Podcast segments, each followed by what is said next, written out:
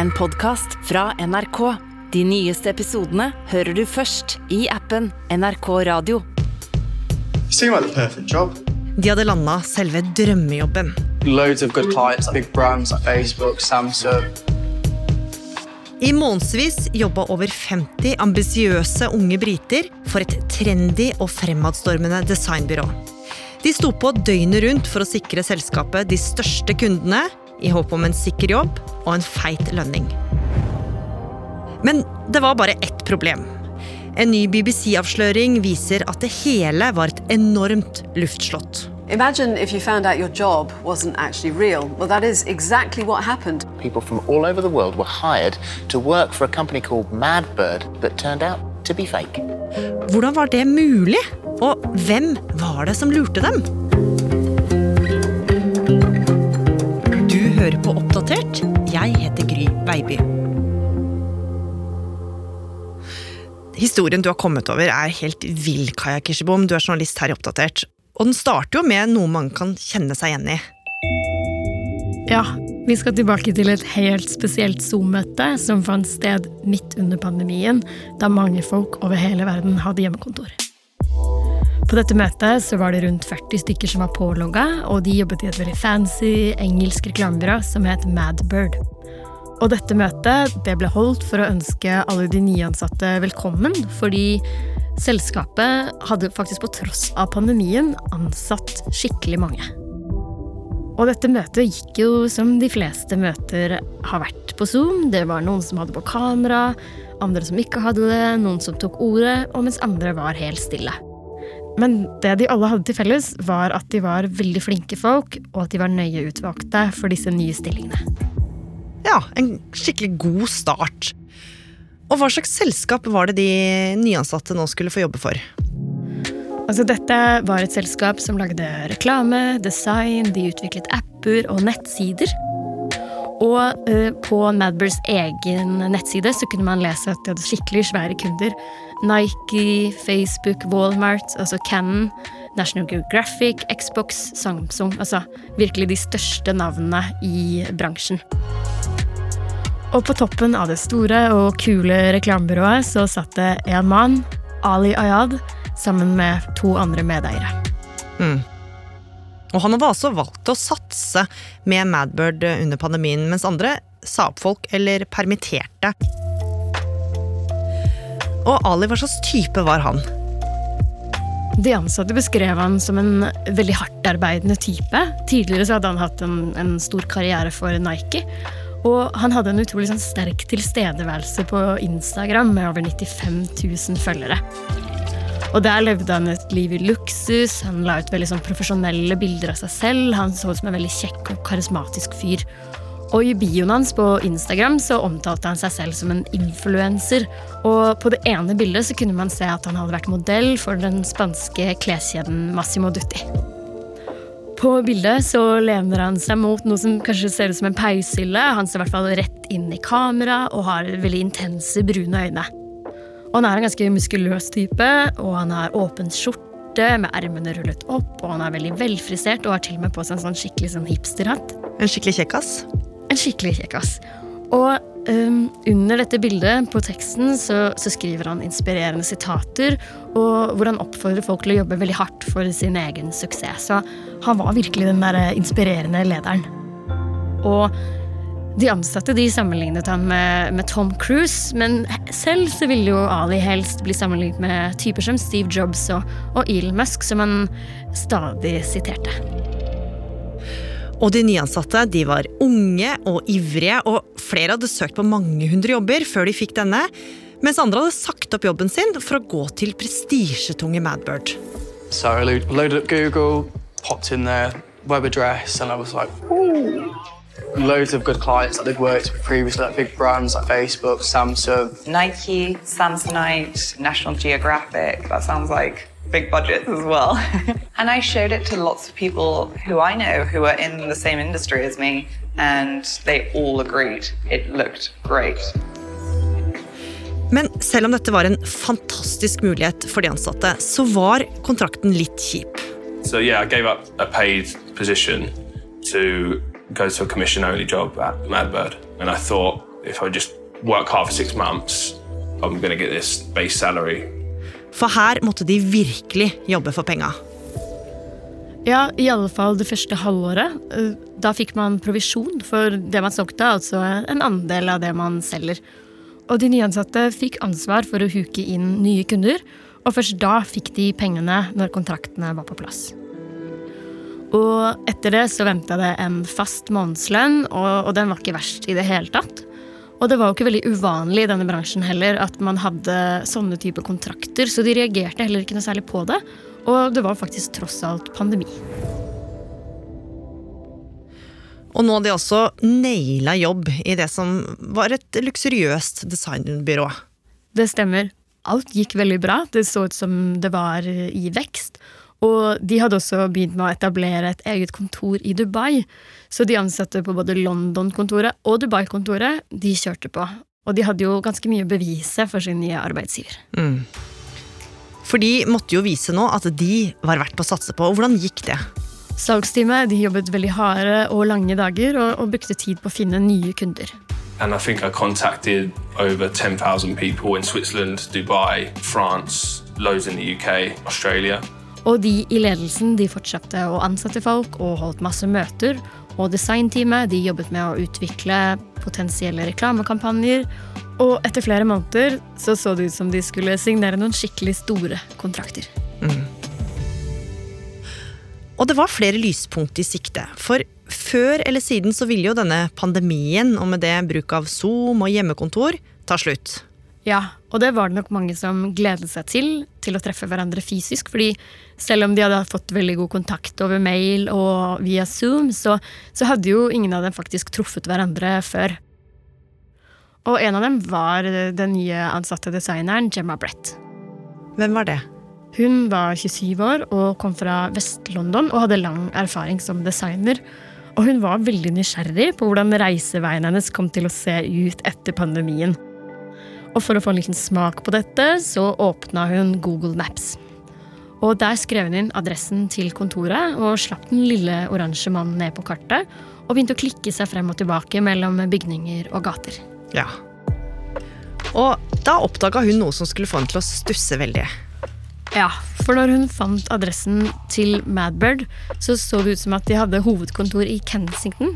Og det er eh, et strøk i London som er kjent for veldig staselige bygg og ambassader og museer i viktoriansk stil. Ja, Ikke den mest typiske plasseringa for trendy reklamebyråer.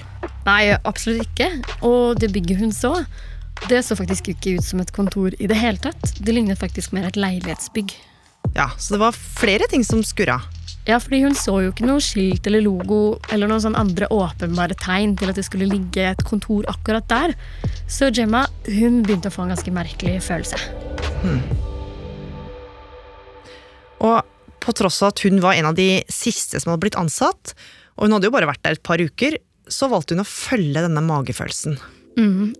Eller hun ville i hvert fall komme til bunns i hvorfor kontorbygget ikke så ut til å være der det skulle ligge. Så siden hun var helt ny og ikke kjente så mange, så begynte hun å undersøke dette alene i stillhet. Og det første hun gjorde, det var å ringe til dem som leide ut dette staselige bygget. Og det de fortalte, det var veldig rart. Ja, For de sa at det kun var leiligheter i bygget, og at ikke huset et globalt reklamebyrå som Madbird. Så det var jo ganske snodig at et så stort selskap ikke holdt til der de sa de gjorde. Så nå blinka varsellampene for alvor. Ja, og nå skjønte jo Gemma at hun måtte gjøre noe. Så hun så seg litt etter en alliert, en hun kunne stole på. Og en av dem var en kvinne som het Antonia, som hadde ansvaret for å utvikle Dubai-kontoret. Og Gemma fortalte henne alt hun hadde funnet ut av, og Antonia syntes også at dette hørtes veldig merkelig ut. Og Gemma og Antonia de valgte nå å slå seg sammen for å prøve å komme til bunns i hva som egentlig foregikk. Og Kaja, hva gjorde de? De bestemte seg for å sjekke ut dette firmaet nærmere, og noe av det mest håndfaste de hadde, siden de var hjemme under lockdown, det var bildene som lå ute på nettsiden til Madbird. Og det første de så på, var bilder av kollegene deres, og de gjorde et såkalt reversert bildesøk på disse. Ja, hva er det? Det er et verktøy som man bruker på søkemotorer som Google for å finne ut av om et bilde har vært publisert på nettet tidligere. Ja, Og det de fant ut av, var virkelig oppsiktsvekkende. Ja. En av dem de søkte opp, var en grafisk designer på kontoret som het Nigel White. Og han hadde jo Gemma skrevet frem og tilbake med. Hun følte at de hadde fått skikkelig god kontakt. Bildet av Nigel på nettsiden viste en fyr i 20, kanskje 30-årene som så veldig hyggelig og imøtekommende ut med rødt hår, rødt skjegg og brune øyne. Men da de søkte opp bildet, fikk de et helt spesielt resultat. For dette viste seg å være et stokkfoto. Ja, altså et bilde alle kan kjøpe og bruke fritt fra et stort bildearkiv på nettet. Mm, så ja, Nigel var ikke Nigel, han var en helt fremmed mann. Og dette bildet finner du hvis du søker opp Ginger Man på denne bildedatabasen. Men det var jo ikke bare dette bildet. Det var flere. Ja, de to kollegene var bare så vidt i gang. Flere av bildene skulle vise seg å være av helt andre personer enn det de trodde var kollegene deres. Et av bildene var stjålet fra en libanesisk lege, en annen fra en spansk skuespiller og et helt annet fra en italiensk moteinfluenser. Men det var mer. Ja, fordi alt arbeidet på nettsiden til Madbird, altså det som viser hva de har laget for tidligere kunder, det viste seg å være stjålet fra et annet reklamebyrå. Så nå innså jo Gemma og hun andre at Madbird trolig ikke hadde prestisjetunge kunder som Nike og Facebook. Så det her var jo virkelig et hardt slag i trynet. For ikke bare viste det seg at Madbird faktisk ikke hadde lokaler, men nå skjønte de at flere av sjefene og kollegaene til Gemma og Antonia, som de hadde maila med, og som de også hadde vært i Zoom-møte med, heller ikke var virkelige personer. Og Kaja, hvis verken bygget eller flere av de ansatte ikke eksisterte på ordentlig, så lurte jo nå Gemma sikkert på om hele selskapet i det hele tatt fantes? Altså jobba hun for en reell bedrift? Ja, det var helt klart det de lurte på. Så nå følte de at tiden virkelig var inne for å varsle kollegene sine også. Så disse to de la en plan, men de måtte også være forsiktige. For de ante jo ikke hvem som sto bak dette, og det kunne jo faktisk være noen fra ledelsen. Så for å unngå trøbbel så lagde de en falsk e-postkonto med alias Jane Smith. Og en ettermiddag så sendte denne såkalte Jane Smith ut en e-post til alle de ansatte i hele Madbird, og nå var alt avslørt. I e-posten så sto det at ledelsen i Madbird var umoralske. Altså at bedriften hadde stjålet andres arbeid, og at flere i teamet ikke var ekte personer. I'm like, Jane Smith? Who's Jane Smith? I was like, what the hell is going on? Everything's just basically fake. All of the work was stolen. A lot of it was stolen from someone who had died a couple of years previously. Så nå hadde jo flere titalls personer fått ganske sjokkerende nyheter på e-post, og alle var veldig ivrige på å få svar fra sjefen Ali om hva som kunne ha skjedd. Så på et Zoom-møte like etterpå så kom jo Ali med en ganske liksom, vag unnskyldning, men han mente jo at dette var veldig sjokkerende, ja, og som det i det hele tatt stemte. Så han lovte å sjekke opp i dette her og komme tilbake med et svar. Ja, men det skjedde jo ikke. For han sluttet jo å svare på e-poster og telefoner og lot ikke høre fra seg i det hele tatt. Og igjen så sto jo veldig mange mennesker som var dypt bekymra. Fordi ingen av de hadde jo fått utbetalt en eneste krone i tiden de hadde vært i Madbird. Og mange lurte jo på om alle disse timene og alt arbeidet de hadde investert i dette selskapet under lockdown, var helt bortkasta. So when I saw that, I was just thinking, am I a dickhead? Because I've literally been here for like two months, working my ass off for like how many hours, not getting paid, recruiting people to a fake company. Og nå begynte det å gå gjetord om det som så ut til å være en helt vill svindel. Og dette ble plukka opp. Ja. BBCs undersøkende journalist Catherine Nye begynte å se på denne saken våren 2021, og dette skulle de bruke et helt år på. That bombshell email sent by Jane Smith, who nobody had even heard of, revealed that Nigel White and many more staff members were not real. We needed to track down the people who were actually in these photos in the Madbird brochure. Og det de fant ut av, var veldig merkelig, Kaja. Ja, altså For det første så avdekket de at firmaet ikke var ti år gammelt, eh, sånn som de hevdet på nettsiden. De fant ut at selskapet hadde blitt registrert i september 2020, altså samtidig som de første jobbintervjuene ble utført. For det andre så viste det seg at seks av ni personer i ledelsen i Madbird ikke fantes i det hele tatt. Altså, de var ikke ekte personer. Og den ene medeieren i selskapet, altså Dave, viste seg å være en fyr som het Mikael, og som bodde i Praha og designet bikuber. So this is Dave Stanfield, or we thought it was Dave Stanfield, but it's not. It's you. Yeah, that's me. So I'm Michal Kalisz. Uh, I'm from Slovakia. I live in Prague. Og den andre medeieren, Tommy, han viste seg å være en virkelig fyr. Som drev med design, og som hadde fått tilbud om å være med i Madbird, men som hadde takka nei. The guy is a snake for sure. I've never worked for Madbird, by the way. That's on the record. He was trying to offer me a job at the top, but I never accepted a job.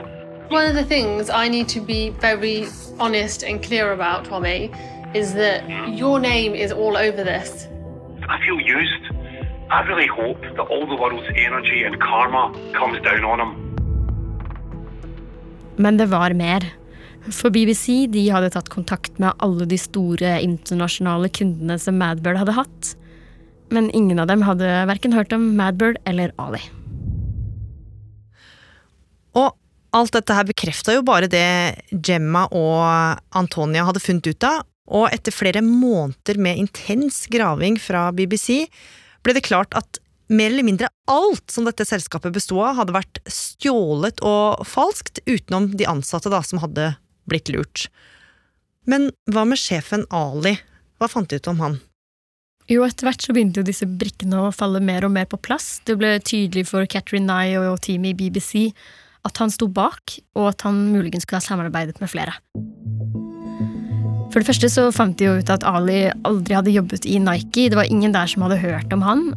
Han hadde ikke de universitetsgradene han hevda å ha, og flere av studiene fantes ikke engang. Han hadde bare funnet dem opp. Og den modelljobben som han hadde gjort for Massimo Dutti, og som han hadde skrytt av på Instagram, alt det var jo faktisk bare photoshoppet og falskt. Så nå var BBC-gjengen veldig interessert i å få et intervju med Ali og høre hva han hadde å si. Og han sa jo faktisk ja til å stille til intervju, men han avlyste flere ganger fordi han hadde følt seg dårlig, og til slutt så hadde de ikke noe annet valg, for det hadde gått flere måneder, og derfor så bestemte de seg for å møte opp der han bodde. Hi, Ali Ayed. My name's Katrin Nye. I'm from the BBC. Come on, it's time to talk to us, Ali. Why did you make up a fake company and take advantage of people when they were at their most desperate? You must want to say sorry for what you did. To all the people that you tricked, that you lied to. They lost money, Ali. This is your version of the story, okay? Uh, we have been waiting to hear your version of the story, Ali, for months. You don't know all the things behind the story. Do you know how badly you affected people with what you did? All I know is that we created opportunity for people. You didn't create work, any yes. opportunities We for anyone, opportunities to, to work in the midst of COVID. That's what I know. Are you serious? Will you say sorry? For what? For the fact that you lied? I did. Yes, How do you know this? because we've been investigating Madbird for months. Okay, and how do you know I did? Og BBC de, de fulgte jo etter han gatelangs og prøver veldig hardt å få en unnskyldning fra Ali og, og konfronterer han, men han vil jo ikke komme med noe særlig form for unnskyldning. Det er i hvert fall veldig vagt. Og de fotfølger han med kameraer helt inn til en T-banestasjon, til han til slutt forsvinner gjennom sperrene og ned til metroen. Så ifølge BBC så hadde Ali altså skapt et falskt designbyrå. Han hadde ansatt 50 personer uten å betale noe som helst. Han hadde funnet opp kollegaer, og han hadde i tillegg jugd på seg en imponerende CV. Hvorfor i alle dager skulle han gjøre det? Det her var jo det alle lurte på.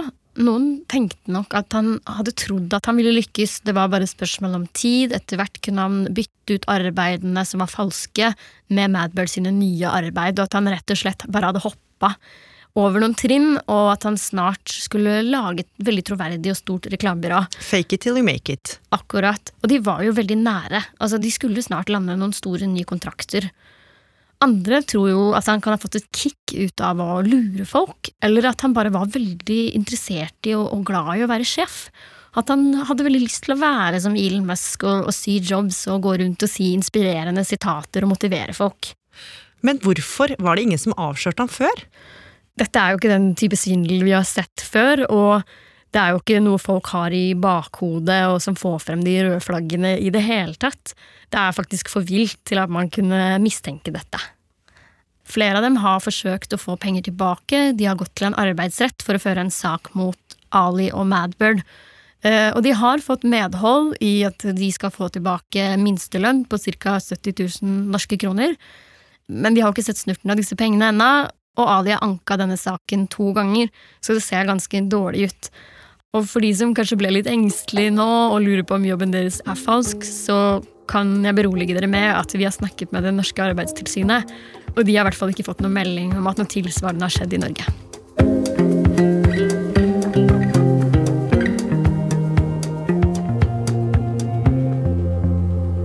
Oppdatert er en podkast fra NRK Nyheter. Og hvis du liker det vi lager, kan du gjerne abonnere på oss i NRK radioappen. Har du spørsmål eller innspill, kontakt oss gjerne på oppdatert krøllalfa nrk.no. Denne episoden ble laga av produsent Kaja Kirsebom. Lyddesign var ved Pål Gauslå Sivertsen og Andreas Berge. Lydklipp av Karoline Påske. Og programleder var meg, Gry Veiby. Programredaktør er Knut Magnus Berge. Klippene du hørte, var fra BBCs dokumentar Jobfished, BBC News og ITV. Lørdagsrådet. Lørdagsrådet. Du sliter med at folk ikke vasker seg på henda på jobben, eller tror at kjæresten din kanskje er forelska i kompisen din i stedet, så kan vi hjelpe deg. Vi kan også hjelpe deg med kranglete søsken, elendige naboer, problemer i kollektivet, kjærlighetssorg, utroskap, forelskelse, forslag til straff, slemme venninner, fraværende fedre, fraværende mødre, og faren til venninne som plutselig dukker opp på Tinder i aldersgruppen 18 år. Og ikke minst, hva gjør man når man ikke tør å bæsje på hyttetur med kjæresten, men ender opp med å kaste bæsjen så den henger fast i busken? Ja, for det har også skjedd. Hver lørdag samler jeg tre kjente fjes og stemmer for å løse problemer sendt inn til oss fra deg der ute. Vi høres! Hør Lørdagsrådet når du vil i appen NRK Radio. P3.